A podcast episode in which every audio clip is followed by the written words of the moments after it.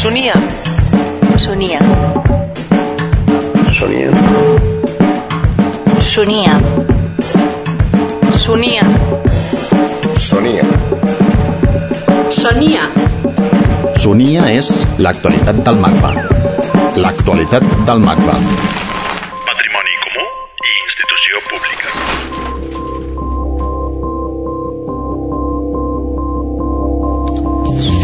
Patrimoni comú i institució pública.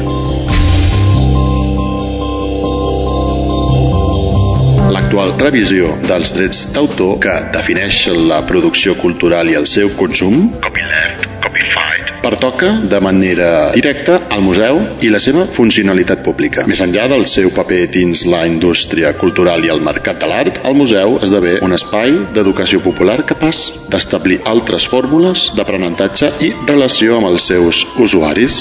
Jorge Ribalta Cap de programes públics del MACBA. parla de la capacitat de la Institució pública. per a generar un patrimoni comú i compartit. Patrimoni comú i compartit.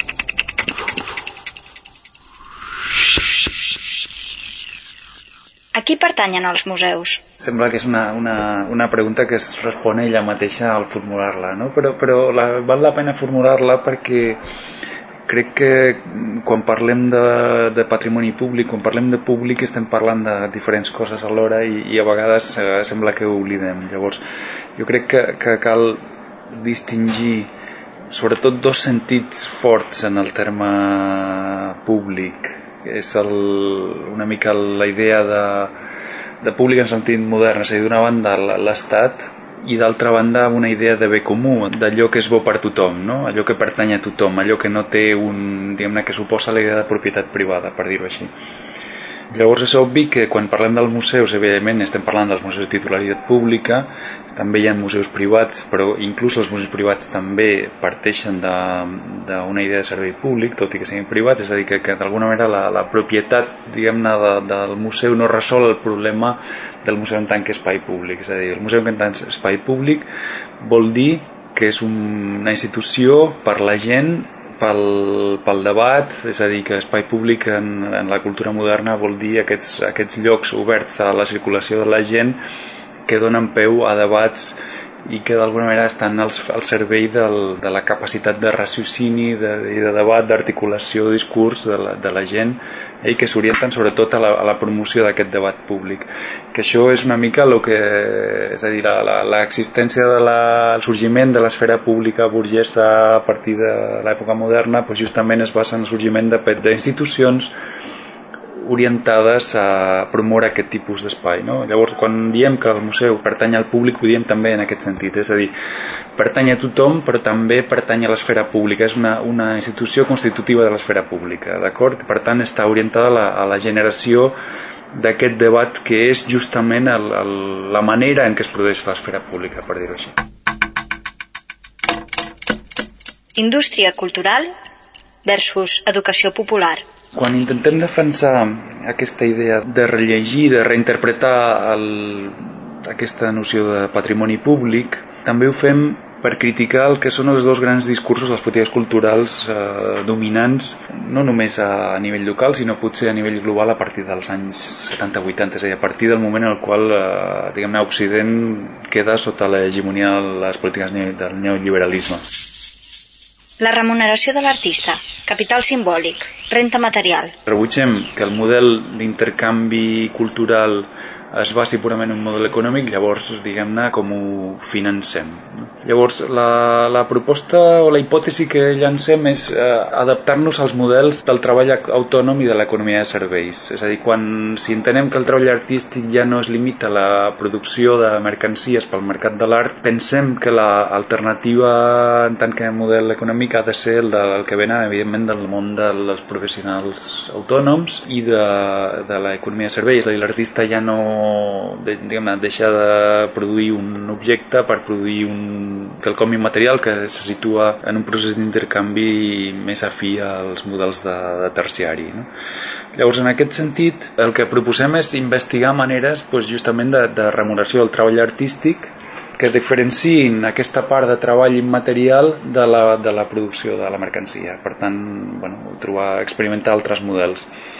En l'editorial també plantejàvem que justament aquí és on es troba potser un, un dels lastres forts no? per, per, per repensar tota la qüestió de, de la remuneració del treball artístic, és a dir, que ens trobem d'alguna manera que les noves tecnologies estan d'una banda promocionant, eh, permitint de facto, és a dir, no, no és una qüestió purament tècnica, eh, diguem-ne, discursiva, sinó que és de facto, és a dir, que promouen formes d'accés, és a dir, que, que generen, posen en qüestió nocions d'autoria, és a dir, que es generen processos d'apropiació molt àmplies dels productes culturals però d'altra banda ens trobem que el discurs del dret d'autor restringeix això, és a dir, el discurs del dret d'autor es basa en un model de, de propietat pretecnològic, per dir-ho així, en el qual l'art és un bé escàs, hi ha una, és un objecte únic i per tant dotat amb, amb els codis de prestigi social de les coses úniques. Llavors aquí hi ha, hi ha aquesta contradicció, és a dir, d'una banda